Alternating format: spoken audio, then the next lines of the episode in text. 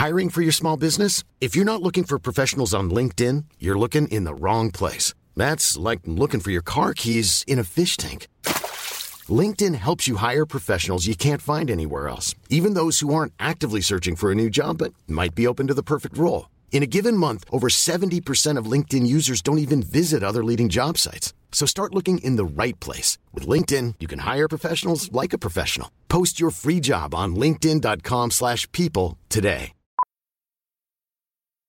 Millions of people have lost weight with personalized plans from Noom. Like Evan, who can't stand salads and still lost 50 pounds. Salads generally for most people are the easy button, right? For me, that wasn't an option. I never really was a salad guy. That's just not who I am. But Noom worked for me. Get your personalized plan today at Noom.com. Real Noom user compensated to provide their story. In four weeks, the typical Noom user can expect to lose one to two pounds per week. Individual results may vary.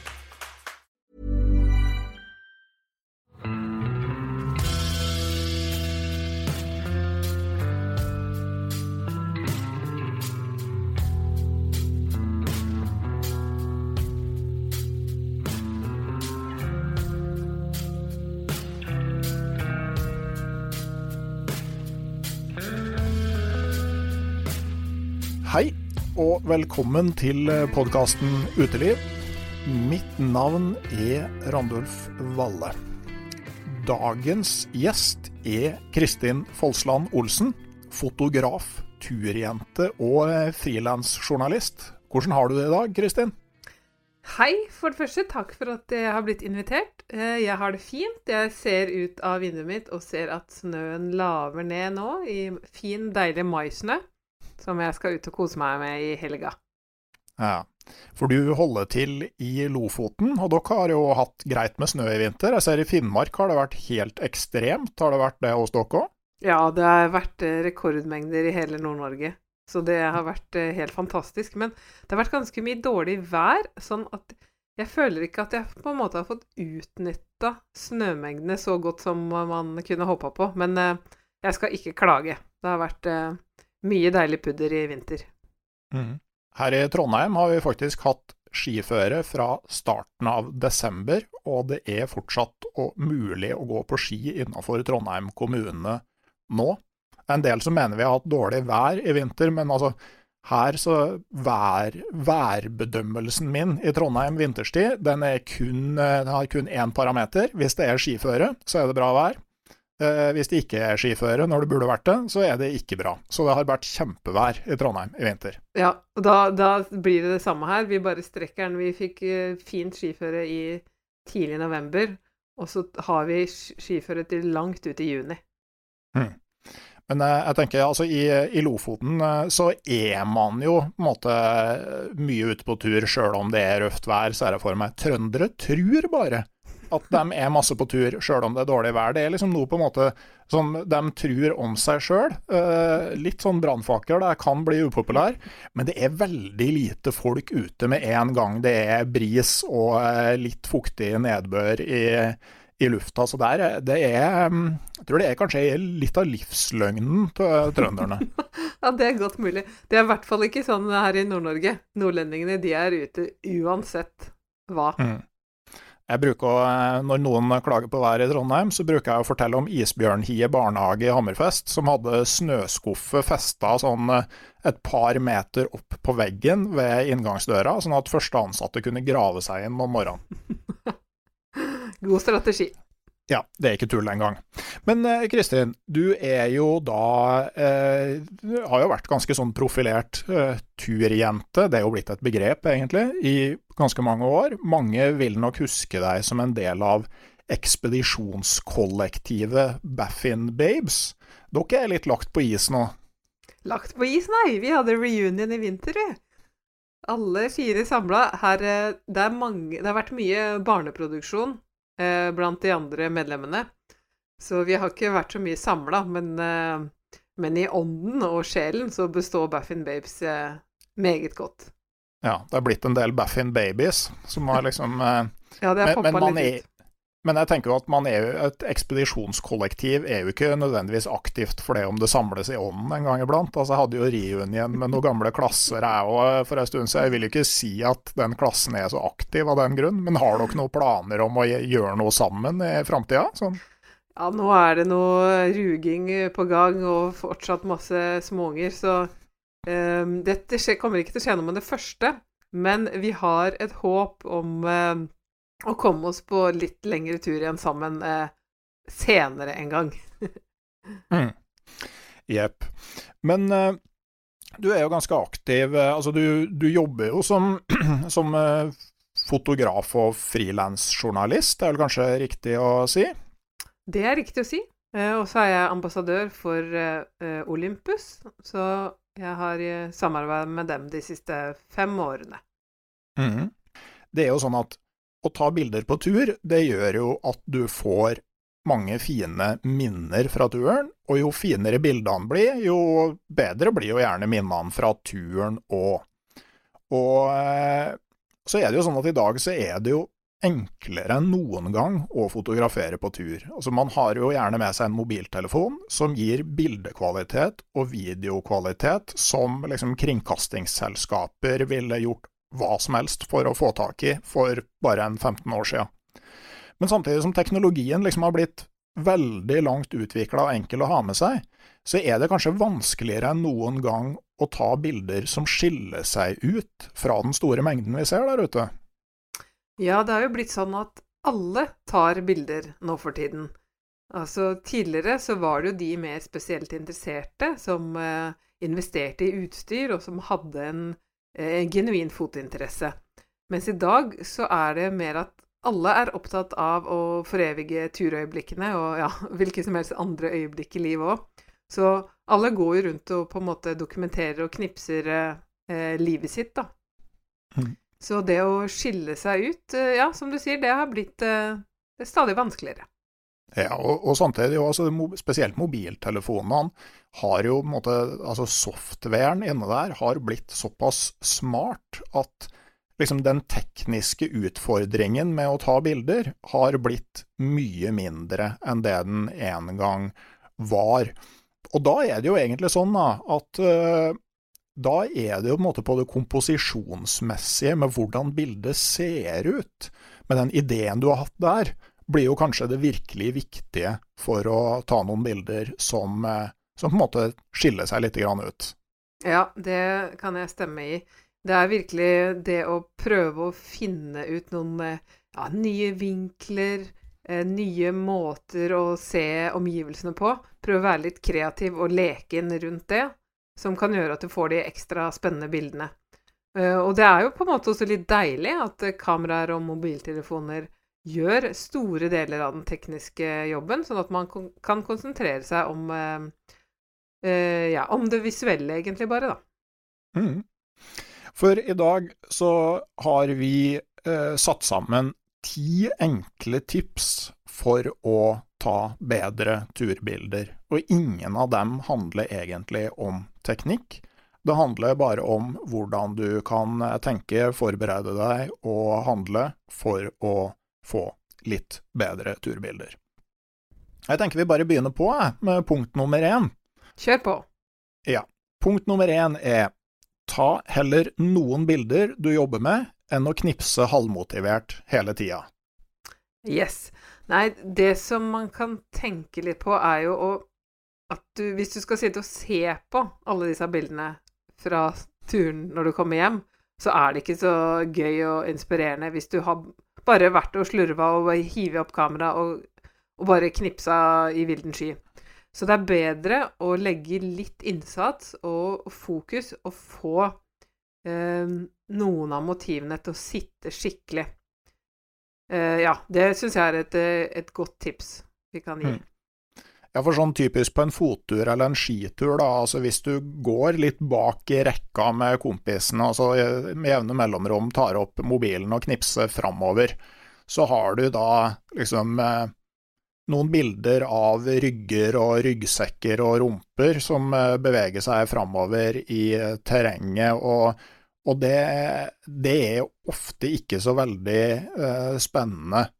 Det En måte man kan gjøre det på, er hvis du går en tur du kjenner, så kan du jo på forhånd ha tenkt igjennom hvor det kan være fint å ta et bilde, og da kanskje ligge litt i forkant, be kompisene om å stoppe litt her, så springer du i forveien og finner et fint utsnitt, og venter til dem kommer etter.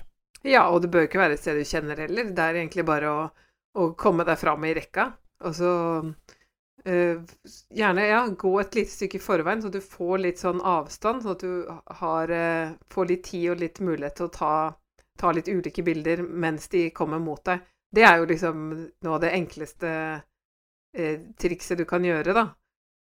ja, på en måte være litt i forkant, og så gjerne få med ansikter og uttrykk og og bevegelse uh, av det som kommer enten forbi deg eller mot deg, da. Så at du ikke Men det er jo Det kan jo være fint å ta bilder bakfra, men bare det der å gå akkurat hakk i hæl og dasse og hive opp kamera, det tror jeg ikke ofte gir det beste resultatet.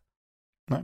Nei også Litt avhengig av hvor velvillig turkompisene dine poserer, da, så kan du jo f.eks. knytte det her til hvis dere har tatt deg litt av pause for å justere bekledning eller spise litt og sånn, og så bare spørre om eh, kan dere vente tre minutter nå før dere begynner å gå etter, og så hører dere etter når jeg gir instruksjoner når vi skal ta bilder. For da, da har du liksom en mulighet til å få folk til å gå litt der du ønsker, og, og få litt mer kontroll på situasjonen, som ofte gjør at bildene blir mye, mye bedre. Ja, det syns jeg er lurt. Og da, det som også er lurt som fotograf, er å venne seg til å selv være rask når det gjelder klesskifte og stramming av sko og drikkepauser osv. At du gjør de tinga kjapt, sånn at du på en måte kjøper deg litt tid med kamera. da. For det er ikke sånn at uh, du alltid kan be folk vente og vente. Noen ganger så må du selv bare legge opp, til, legge opp løpet, sånn at, uh, at du er uh, parat. da. Mm. Og det hjelper jo da veldig å være i knallgod fysisk form. Jeg husker jeg prata med en av de filmfotografene som var med og lagde NRK-serien Drømmeturen, hvor Cecilie Skog og Alexander Gamme eh, tok med seg folk på sin drømmetur rundt omkring. Jeg spurte liksom hvordan han forberedte seg. Det var først og fremst med å gå masse toppturer. For han ja. skulle jo da gå ca. tre ganger så langt som det de som faktisk gikk turen, skulle gjøre, og i tillegg liksom ikke være utslitt, men ha overskudd til å tenke på, på filming. Ja, jeg har jo vært uh, stillfotograf på 71 grader nord, det er jo litt av et sånn rotterace. Det det er jo noe for seg selv. Så det, heldigvis er det ikke like hardcore på egne turer. Men eh, ja, det gjelder å være i form og, og, og det å liksom komme i gode posisjoner. Mm. Jepp. Da går vi videre til punkt nummer to, som egentlig følger litt sånn naturlig her, og det er ha kamera lett tilgjengelig. Det er det aller viktigste, vil jeg si. Hvis du skal ha ta gode bilder, så er det på en måte det kameraet du har tilgjengelig, som er det beste kameraet. Sånn at det, eh, det å ikke pakke det langt ned i ryggsekken eller pulken, men ha det enten i lomma, som jo er superlett med mobiltelefoner eller eh, kompaktkameraer um, Du kan ha noe bæreseler frampå brystet, eller noen ganger så går jeg bare med kamera rundt halsen. Hvis jeg vet at jeg ikke skal ta bilder sånn hele tiden, så, så ligger det øverst i ryggsekken, sånn at det er lett å hive av seg den og opp med kamera. Ja, det er litt artig. En, en annen podkast, eh, Tur og tøys, med, hvor Alexander Gamme intervjua Børge Ausland etter at han og Mike Horn hadde kryssa Polhavet. Så snakka Børge om at uh, han sjøl hadde et kompaktkamera, eh, riktignok et uh, veldig dyrt og godt et, som han hadde i en lomme på låret på, i buksa hele turen. Og han hadde tatt var det 3000 eller 4000 bilder. Eh, turkompis Mike Horn hadde et sånn større systemkamera som lå i pulken, og ifølge Børge så hadde han ikke kommet til tosifra antall eh, bilder i løpet av den turen. Så det, det er lett å på en måte se seg blind på at man skal ha det store, virkelig gode kameraet, men det hjelper ingenting hvis du da ender opp med å ikke få tatt bildene. Nei, de beste bildene det er de som eh, Det får man tatt hvis man er aktiv med kamera og orker. Og selv om det er kaldt og det blåser og det snør og det regner, at du orker og gidder og vil og har lyst til å ta bilder da. Mm. Og så er det jo det med at kameraet er jo ikke noe verdt hvis det ikke er minnekort i det, eller hvis batteriet er flatt. Så det Sørg for å ha med ekstra batteri, hold ekstra batteriene varme, og ha med powerbank til eh, telefonen når du er på tur. Og skru telefonen i flight-modus, sånn at du ikke bruker mer batteri enn du trenger. Gode tips. Mm. Jepp. Eh, da suser vi videre til eh, punkt nummer tre, som er fang aktivitet. Husk på når du er på tur at du tar bilde av det turen handler om. Det er et veldig godt poeng. Det er jo ofte sånn det blir at eh, det er lett å ta fram kamera når det er pauser, når man står i ro og, og liksom på en måte har tid til det. Men det kan bli litt sånn kjedelig i lengden.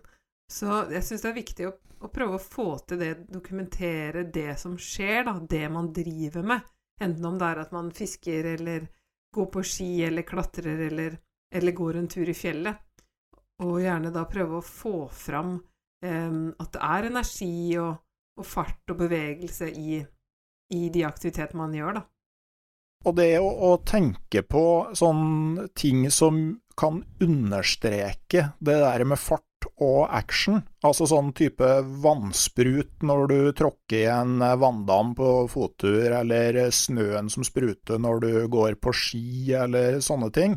Det gir jo mye mer en sånn følelse av bevegelse. Ja, det er et godt poeng. Det er jo, det er jo på en måte mm, de tingene man ønsker å formidle. Og bare sånne enkle ting som når du skal ta bilder av noen som går eller går på ski, at du liksom eh, knipser i det øyeblikket da, han, da, personen steger ut, sånn at du liksom ser at det er framdrift, at det ikke er noen som står eh, helt i ro som en pinne. Men så er det jo det at eh, aktivitet og hendelser er viktig, men følelser og reaksjoner er òg interessant å få med seg. Så punkt fire, det er gå unna og zoom inn for å fange ekte reaksjoner. For det er jo ikke alle som er så komfortable med å få et kamera dytta helt opp i ansiktet.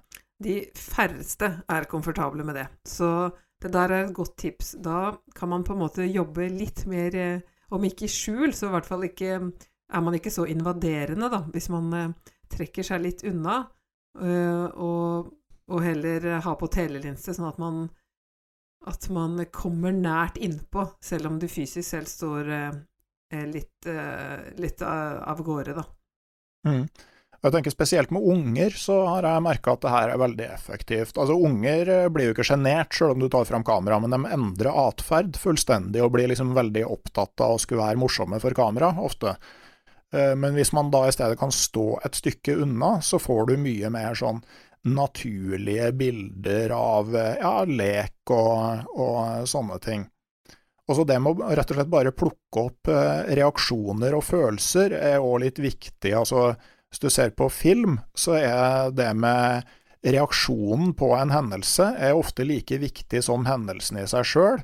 Og typisk på tegnefilm, når noen eh, foretar et kjempekrasj, så er det slett ikke alltid du får se på en måte det der episke krasjet til slutt. Du får heller se ansiktsuttrykket til noen som ser på det.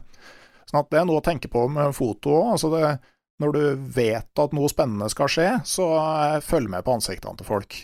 Veldig god idé. fordi man ønsker jo på en måte å formidle alle slags uh, følelser, om det er glede, eller om noen som er sliten og sur eller redd, eller um, Hvis man klarer liksom å fange de der ekte følelsene på et bilde, da, da har man gjort en god jobb. Og det, det, du sa at ja, det er lurt i forhold til barn, men det er veldig lurt i forhold til alle, fordi eh, kanskje ikke folk gjøgler seg til, men de stivner gjerne og får litt sånn der unaturlige uttrykk. Så det der å på en måte være litt unna og, og la, hvis det er flere turkompiser, at de på en måte eh, har en samtale, eller gjør et eller annet sammen, at, at du på en måte bare eh, er utenfra, da, og klarer å eh, snike deg inn med, med zoomen din. Mm. Det er jo greit å ha, å ha snakka om sånne ting på forhånd før man drar på tur, sånn at alle er komfortable med at det blir, blir tatt bilder. Det kan jo være en sånn eh, grei eh, ting å ta med seg, spesielt når du er på tur med folk du ikke kjenner så godt. Ja. Godt poeng. Mm. Men så er det jo sånn at eh, fotografering, eller fo fotografere, det ordet der, det betyr å male med lys. Og punkt fem sier ganske enkelt at lyset er det viktigste. Ja, og lyset, det er eh, det som får meg veldig gira, i hvert fall. Eh, lyset rundt soloppgang, solnedgang, det der magiske, varme eh, Varme, myke lyset som bare får fargene til å poppe og verden til å se helt magisk ut, det er liksom drømmeforhold for en fotograf.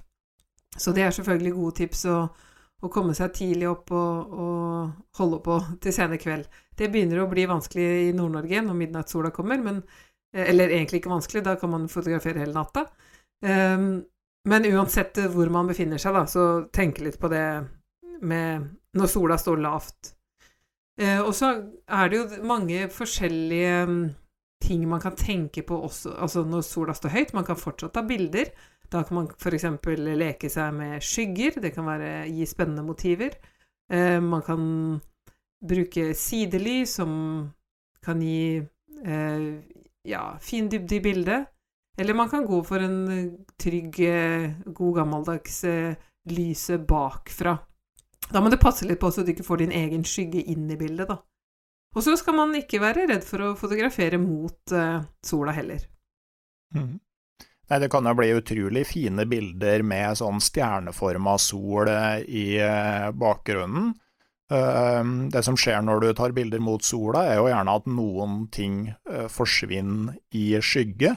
Men du kan òg ta bilder mot sola uten å ha sola med i bildet. Sånn at for eksempel Eh, hvis sola skinner mot deg gjennom kronbladene på en eh, blomst, så kan eh, de fargene bli utrolig fine. Og det kan du utforske både som et nærbilde, men også som en forgrunn i et større bilde. Ja. Og så én ting, akkurat det, hvis, hvis, man velger å ha sola med i bildet, det er vel en av de eh, stedene hvor mobilkameraer foreløpig kommer litt til kort for, for mer profesjonelt utstyr, da. Men uh, det er bare å prøve seg fram. Det, det, er uh, Det er jo det som er så fint, at man tar bilder og så ser på det samme, og så kan man uh, leke seg fram og teste seg fram til hva som fungerer best. Mm. Og i dag så får du jo svaret med en gang. Det var liksom noe annet når du leverte inn en film med 36 bilder på, og så huska du ikke helt hva det var du hadde gjort som gjorde at det ene bildet blei bedre enn det andre. Ja. Jeg husker den tida da jeg gikk på folkehøyskole her i Lofoten, så hadde vi mørkerom, så jeg kunne ta fremkalle svart-hvitt-bilder, men det var også en eh, Dias-fremkaller, altså lysbildefremkaller. Og da kunne man få se bildene fremkalt samme dag som man hadde vært på tur. Det var eh, utrolig kult. Mm, det har jeg aldri opplevd. Men eh, det er jo òg et triks da, hvis du tar bilde på høylys dag og eh, bruker blits på bilder av personer. For eh, da kan du lette opp skyggene og få personen i forgrunnen til å tre litt mer sånn tydelig fram. Men det med retning på lyset er jo òg noe som man kan tenke på når man f.eks. er på fottur. At uh, du kan til og med se på kartet og huske på at sola står opp i øst og går ned i vest. Uh, og tenke litt på når du får sola bakfra, når du får den inn fra sida, og når du kommer til å, få den eh, forfra når du er ute og går. Eh, det er faktisk sånn man kan titte litt på med kartet når man planlegger neste dags etappe. Ja, og i hvert fall Jeg tenker kanskje ikke så mye på det, men, eh, men i forhold til når jeg legger eh, camp, da setter opp teltet, så er det smart å tenke litt på hvor går sola ned, og hvor står den opp, i forhold til hvis du har noe kule motiv du har lyst til å fange eh, rundt eh, ut fra teltåpningen. Mm. Jepp. Og så er det det med balanse mellom forskjellige elementer. Det er noen som lurer på liksom, hva er hemmeligheten, og hva gjør du teknisk for at uh, når du tar bilde av sånn uh, telt med lys inni eller bål og sånn, for at ikke omgivelsene skal bli helt mørke eller teltet eller bålet altfor lyst. Og det handler egentlig bare om å ta det bildet på riktig tid av døgnet. Når måte, lysnivået i eh, teltet og omgivelsene er riktig i forhold til hverandre, eller når bålet er passe lyst i forhold til eh, hvor lyst det er ute. Ja, sånn at det ikke er altfor store kontraster mellom mørkt og lyst, men at det er på en måte litt mer samme mm. styrke. Så veldig mye av det med å få gode bilder, det handler om å være på riktig sted når lyset er riktig. Og du kan jo òg midt på dagen få helt magisk lys på dager med sånn litt dårlig vær og skiftende vær. Så ikke, ikke kanseller turen sjøl om Yr melder regn. For eh, altså, det kan grå regnværsdager kan jo være veldig eh, vanskelige, men plutselig så bryter sola igjennom, og da kan du få helt magisk lys ut av ingenting. Ja, og så kan man jo få veldig sånn fine portretter, for eksempel, av folk med sånn uh, mykt, fint, spredt lys. Og altså, man kan ta bilder i all slags vær og all slags lys. Mm. Det er godt oppsummert. Punkt nummer seks, det er pass på forgrunnen og bakgrunnen, for det er jo lett å legge alt fokus på det som er hovedmotivet.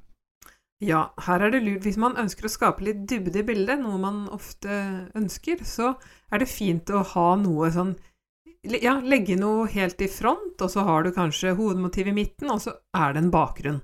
Typisk at du eh, setter deg ned på kne, du har en blomst i forgrunnen, og så har du kompisen som eh, ligger på, i en sovepose ute på et liggeunderlag, og så ser du fantastisk utsikt med fjell bak.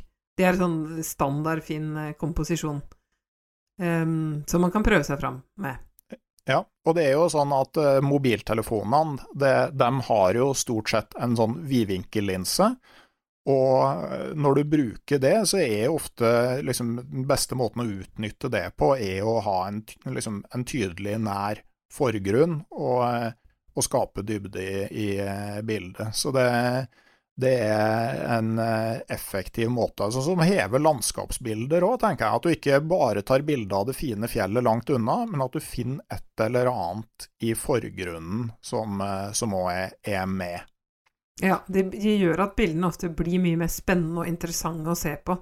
Så prøv å tenke litt sånn helhetlig når du komponerer. Mm. Men så er jo bakgrunnen òg viktig, eh, og, det er litt mer sånn der eh, eh, Bakgrunnen er, kan veldig fort ødelegge et ellers godt bilde, spesielt sånn når det gjelder portretter og, ja, og sånne, sånne, ting. Altså Hvis du har noe forstyrrende i bakgrunnen, så, så kan det ødelegge veldig mye.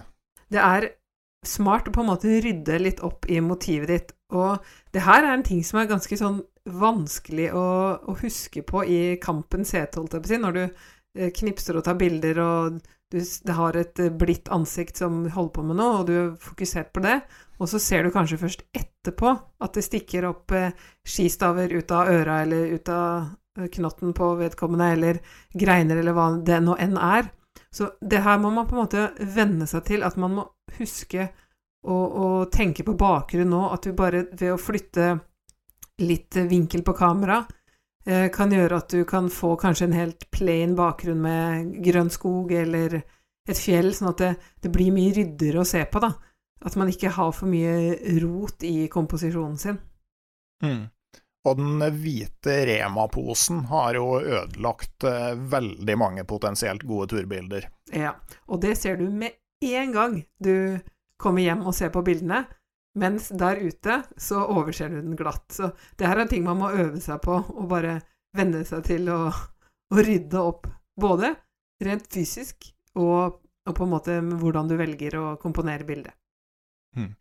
Det, og det, det, er ikke lett. Jeg mener det er derfor at sånn i, i gamle dager, da, da man fotograferte på film, så sjøl sånne proffe reklamefotografer som gjorde ting for de aller største firmaene, når de liksom hadde satt opp en scene, så mener jeg at ganske mange av dem tok bildene med sånn polaroidkamera, sånn som hvor bildet kommer med en gang ut av eh, kamera.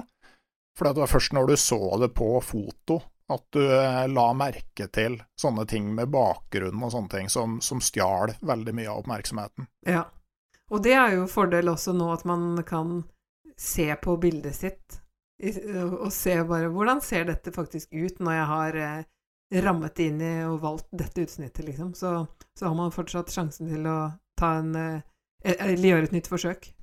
Mm. Du får jo lettere kontroll over bakgrunnen altså hvis du tenker mobiltelefon. så hvis du, Nå er det jo flere og flere som får sånn portrettmodus, som gjør bakgrunnen litt mer uskarp. Og den gjør òg at du får med eh, altså et snevrere utsnitt av omgivelsene i bakgrunnen. Sånn at eh, hvis du skal ha et bilde hvor hovedmotivet skal stå veldig tydelig fram, så kan det være et triks å, å slå over på portrettmodus, fordi at du gjør eh, oppgaven din ganske mye enklere. Mm. Mm. Jepp. Og Uh, det her men, men, det må rydde opp òg, da. Uh, jeg ser det kommer til et punkt hvor du har rydda til det ser helt unaturlig ut. Det er en del av sånne typiske Instagram-bilder fra telt og leirer som ikke ser ut som noen ting jeg har vært med på, i hvert fall. Jeg tenker, har de ikke med seg noen ting på tur? Ja, noen ganger så kan man mistenke at noen har bare satt opp et telt for å ta et bilde, og så har de gått hjem igjen. Så du, det får man jo vurdere selv, hvordan man ønsker å, å fremstille og hva man ønsker å gjøre. Men eh, eh, det er et poeng, det. Hvis du skal eh, ta bilde av ekte turopplevelser, så kan du tåle å ha med litt ekte turting. Eh, men når det gjelder det med å få kontroll over forgrunnen og bakgrunnen, så dreier det seg veldig ofte om det vi har i punkt sju, som er varier standpunkt. For det er veldig lett å ta alle bilder fra stående posisjon. Ja, og her gjelder det å finne fram barnet i seg, og faktisk leke og prøve seg fram. Du kan legge deg ned på knærne eller helt ned på magen, og få spennende vinkler helt ned til bakken. Klatre opp i et tre, eller stå på et eh, bord, eller eh, ja, du må rett og slett prøve, da. Og noen ganger så må du faktisk fysisk gå rundt med kamera for å se på en måte, og se gjennom kamera hva hvordan kan, eh, hvordan kan, dette bli, da? Så du må, du må aldri låse deg fast og bare lime fast føttene i bakken. Beveg deg rundt omkring, og prøv deg fram til du finner den beste vinkelen for å ta ditt eh, drømmebilde der er det veldig mye å tjene på å finne Hvis du klarer å ta bilde av en helt vanlig ting fra et helt annerledes perspektiv enn det andre har eh, gjort før, da, da har du plutselig et bilde ingen har sett. Ja, og det er jo litt sånn Nå har det jo dronefoto blitt veldig populært. Det kan man jo si mye rart om. Uh, men uh, at det gir et perspektiv som ja, tidligere i hvert fall var mer uvanlig, det er nå i hvert fall sikkert. Ja, det er jo ingen tvil om at liksom da de første dronebildene kom, så hadde det en voldsom påvirkning fordi at du så helt vanlige aktiviteter fra en helt ny synsvinkel. Mm. Eh, men eh, mens det da sikkert kan bli nok av det en gang iblant. Det kan bli nok, og det kan eh, bråke nok. mm. Ja, er det mye sånn voldsom dronetrafikk i fjellene i Lofoten nå? Altså, jeg vil ikke si at det er veldig mye fjell, da. Det er mer eh, langs kaiene og i fiskeværa og langs de fine strendene. Så kan det mm. bli litt eh, voldsomt eh, innimellom. Mm. Jepp. Mm. Men uh, punkt nummer åtte, da. Det er ganske enkelt. Pass på horisonten. Det er et tips jeg vil fremfor alt gi til meg selv. Dette her er en feil jeg gjør stadig vekk. At jeg blir for ivrig, og så spesielt Det her gjelder spesielt hvis du har en tydelig horisont som en, eh, ja, en snøflate eller havhorisonten eller hva som helst, da. Da ønsker du at den skal være rett, sånn at du ikke blir eh, sjøsjuk. Så kan du selvfølgelig bryte det rådet her, hvis det er, liksom, det er en hensikt i bildet ditt. Men da er det på en måte et bevisst valg du gjør.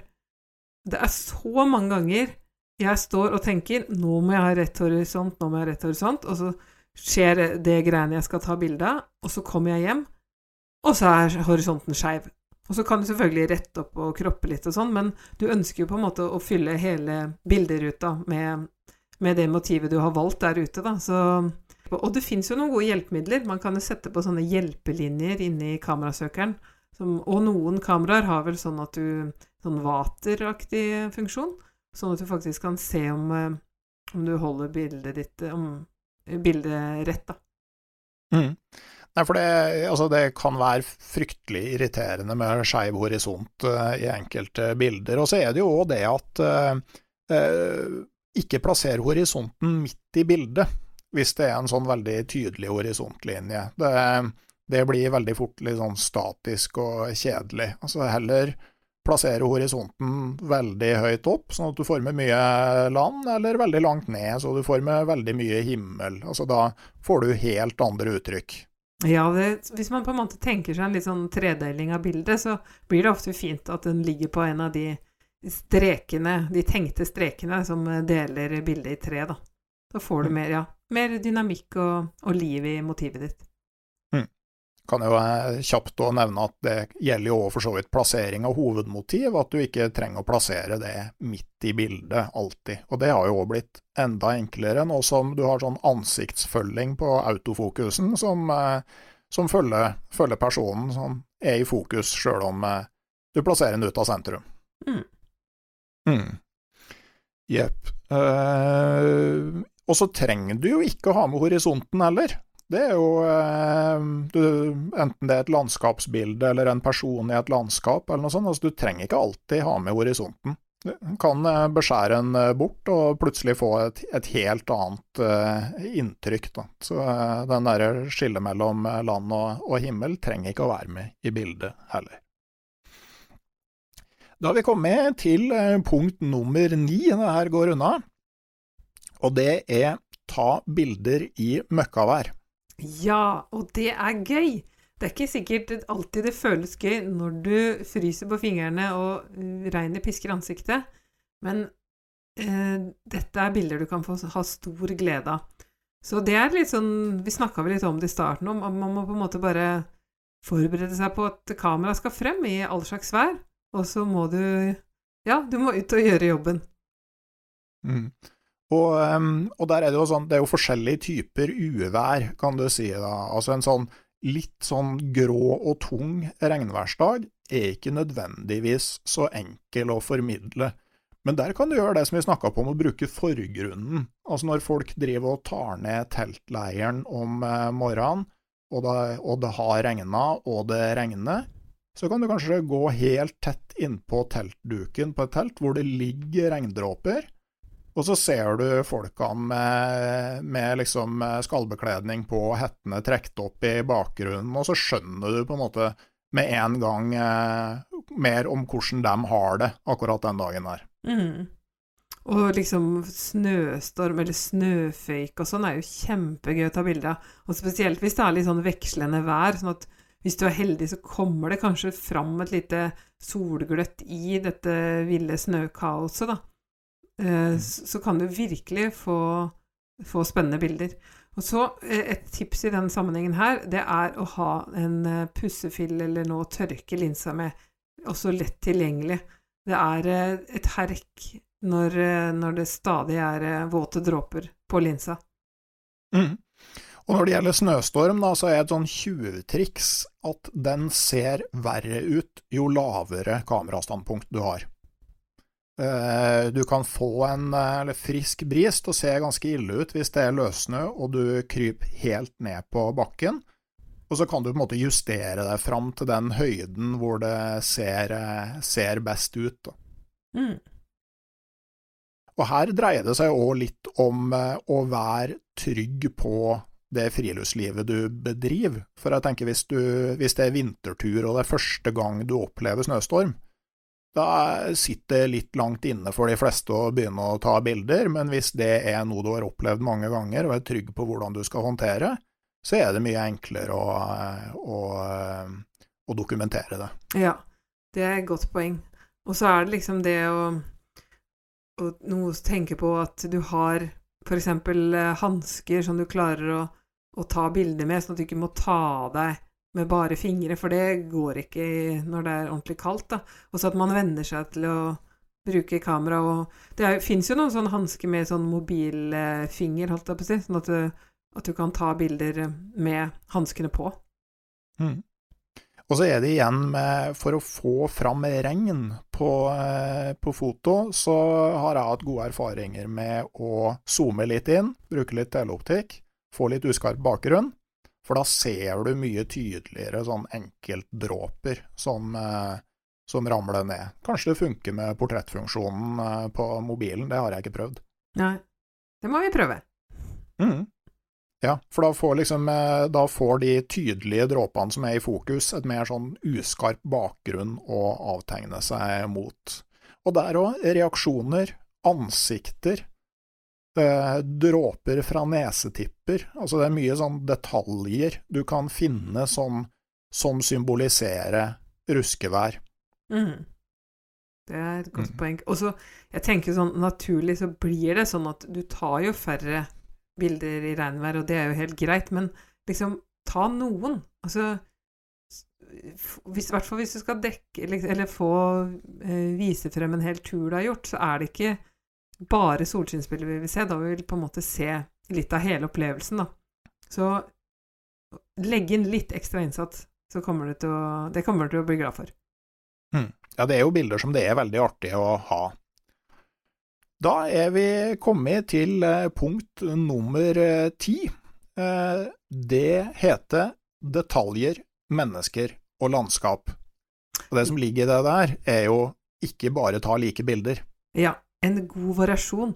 Der kan man egentlig tenke litt sånn reportasje, tenker jeg, hvis du har lest en, en fin artikkel med, med, profesjonelle fotografer som har tatt bilder, og en, et godt utvalg, så vil du se at det er, det er gjerne noe detaljbilder, og så er det kanskje et portrett eh, av en person, og så viser det kanskje noen aktivitetsbilder, og så er det kanskje en vidvinkellandskap som, som setter oss inn i i området vi befinner oss i, da. Så du har på en måte en, en god variasjon og kan fortelle en hel historie med kun eh, få bilder, egentlig. Mm. Og det er jo sånn når du har vært på tur og, og kommet hjem òg, så er det artig å liksom se, se liksom fra forskjellige synsvinkler. Altså fingrene som rører i kaffekjelen, og det store, flotte landskapet du var i, og ansiktsuttrykket til, eh, til uh, turkompisene i, i, gitte situasjoner, sånn at du, du, tenker litt på variasjon, sånn sett. Mm, det er kjempespennende, og det, og det har jeg merka at det er på en måte noen ting som blir automatisert når man holder på mye med foto, da. At da, da tenker du automatisk på disse tingene, men sånn helt i starten så er det kanskje Så kan man jo på en måte velge å gå ut den dagen og på en måte ha som en sånn mental huskelapp at ja, men husk detaljene også, og og, ja, og husk de, de, forskjellige typer bilder da, man eh, ønsker å ha med i samlinga. Mm. Hvis du skal si sånn generelt for på en måte den vanlige fotograf, så blir det veldig ofte en overvekt av bilder på halvdistanse, som egentlig ikke er et nært portrett, og kanskje ikke egentlig et landskapsbilde med en person i heller. Altså at, at du måtte ta et valg å enten gå tettere på eller lengre unna tror jeg kan være en sånn der eh, grei førsteregel for å få mer variasjon. Mm. Mm. Jepp. Da var vi gjennom ti sånne punkt, og, og, eh, det leder oss jo, det siste punktet her spesielt, leder oss jo over på noe som du brenner litt for, altså det er med, med fotoglede. Ja, det hadde jeg lyst til å snakke litt om, fordi at eh, jeg syns jo det er så innmari kult å ta bilder på tur. Noen ganger så er det nesten sånn at jeg, kan jeg syns det er kulere å ta bilder enn å gjøre f.eks. en aktivitet. Da lurer jeg litt på hva som har skjedd med meg, da. Men, men hvis man kjenner på de følelsene der, det er noe man bør liksom uh, ta vare på. Uh, og så liksom bruke fotografering som en, uh, en sånn ekstra positiv tilleggsdimensjon til turen, da. Og, og, så er det jo noen i motsatt skala som syns at det med å ta bilder hele tida på en måte ødelegger øyeblikksfølelsene osv. Så, videre. så det må man jo kjenne litt på selv, sånn at ikke alle turer blir en ren fotoshoot. For det, det er kanskje ikke meningen hele tida, men, um, men, at man i hvert fall lar seg eh, lede og, og, drive av et ønske om å ta gode bilder, det ser jeg i hvert fall på som, som noe positivt i min uh, turhverdag, da. Mm. Og jeg merker at det at du liker å ta bilder på tur, det gjør at du òg faktisk får mer glede av turkompisenes suksess.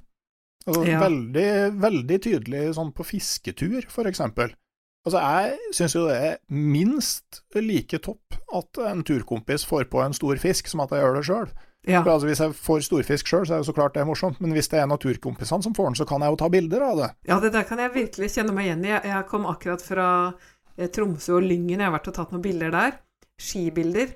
Og hvis da liksom venninna mi eh, setter den svingen så snøsprøyten står bak, liksom, det er jo helt magisk. eh, For oss begge to, på en måte, både den som kjører på ski, og, og jeg som får eh, fanga det øyeblikket. da. Så det er, sånn, det er ganske sånn eh, fint sånn samspill òg. Og, og det der, både din eh, fiskekompis og min venninne blir jo veldig stoka på å se det her eh, resultatet, at noen faktisk har, eh, har dokumentert det store øyeblikket i livet deres, da. Mm. Ja, det er for, for um, altså mange turkompiser er veldig velvillige til å eh, posere som de får beskjed om, men, men alle turkompiser syns det er artig med flotte bilder etter turen. Ja, det er ofte sånn. Eh, Det er ikke alle som er like gira på å bli tatt bilde av underveis, men så fort man kommer inn og laster ned bilder, så er det sånn Kan jeg sende over noen bilder? Har du noen bilder fra dagens økt? Så um, det prøver jeg å minne dem på noen ganger når jeg ber dem vente eh, et par minutter ekstra for at jeg skal eh, få tatt det riktig gode bildet. Det er veldig fint med de turkompisene som eh, går tilbake en gang til, Ja. bare en gang til, Ja. mange ganger. Bare en gang til mange ganger, ja. Det er de aller beste vennene. Jeg tror eh, at alle vennene mine eh, går tilbake en gang til. Mhm. Er det, Bare en gang til. er det rent per definisjon, egentlig, at de som ikke gjør det, er ikke venner? Ja.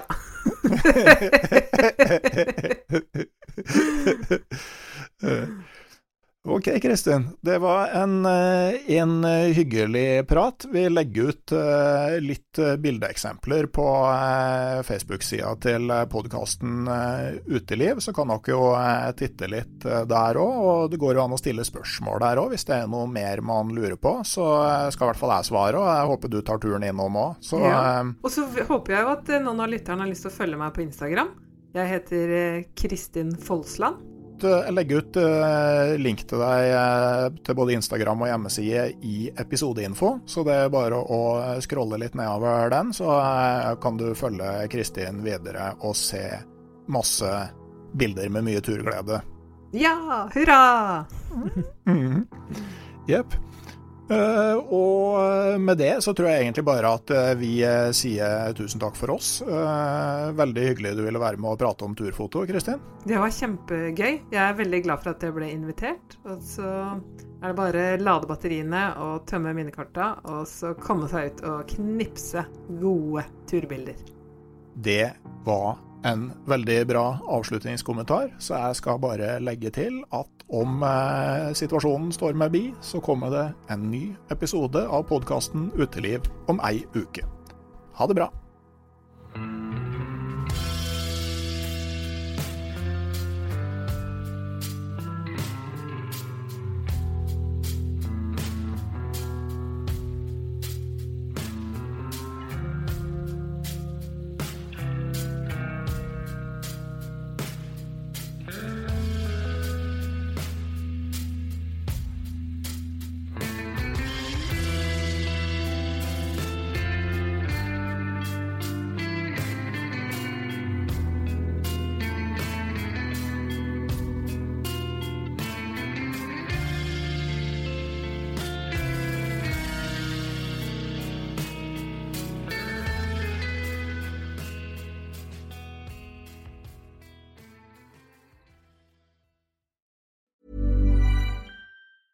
Even when we're on a budget, we still deserve nice things.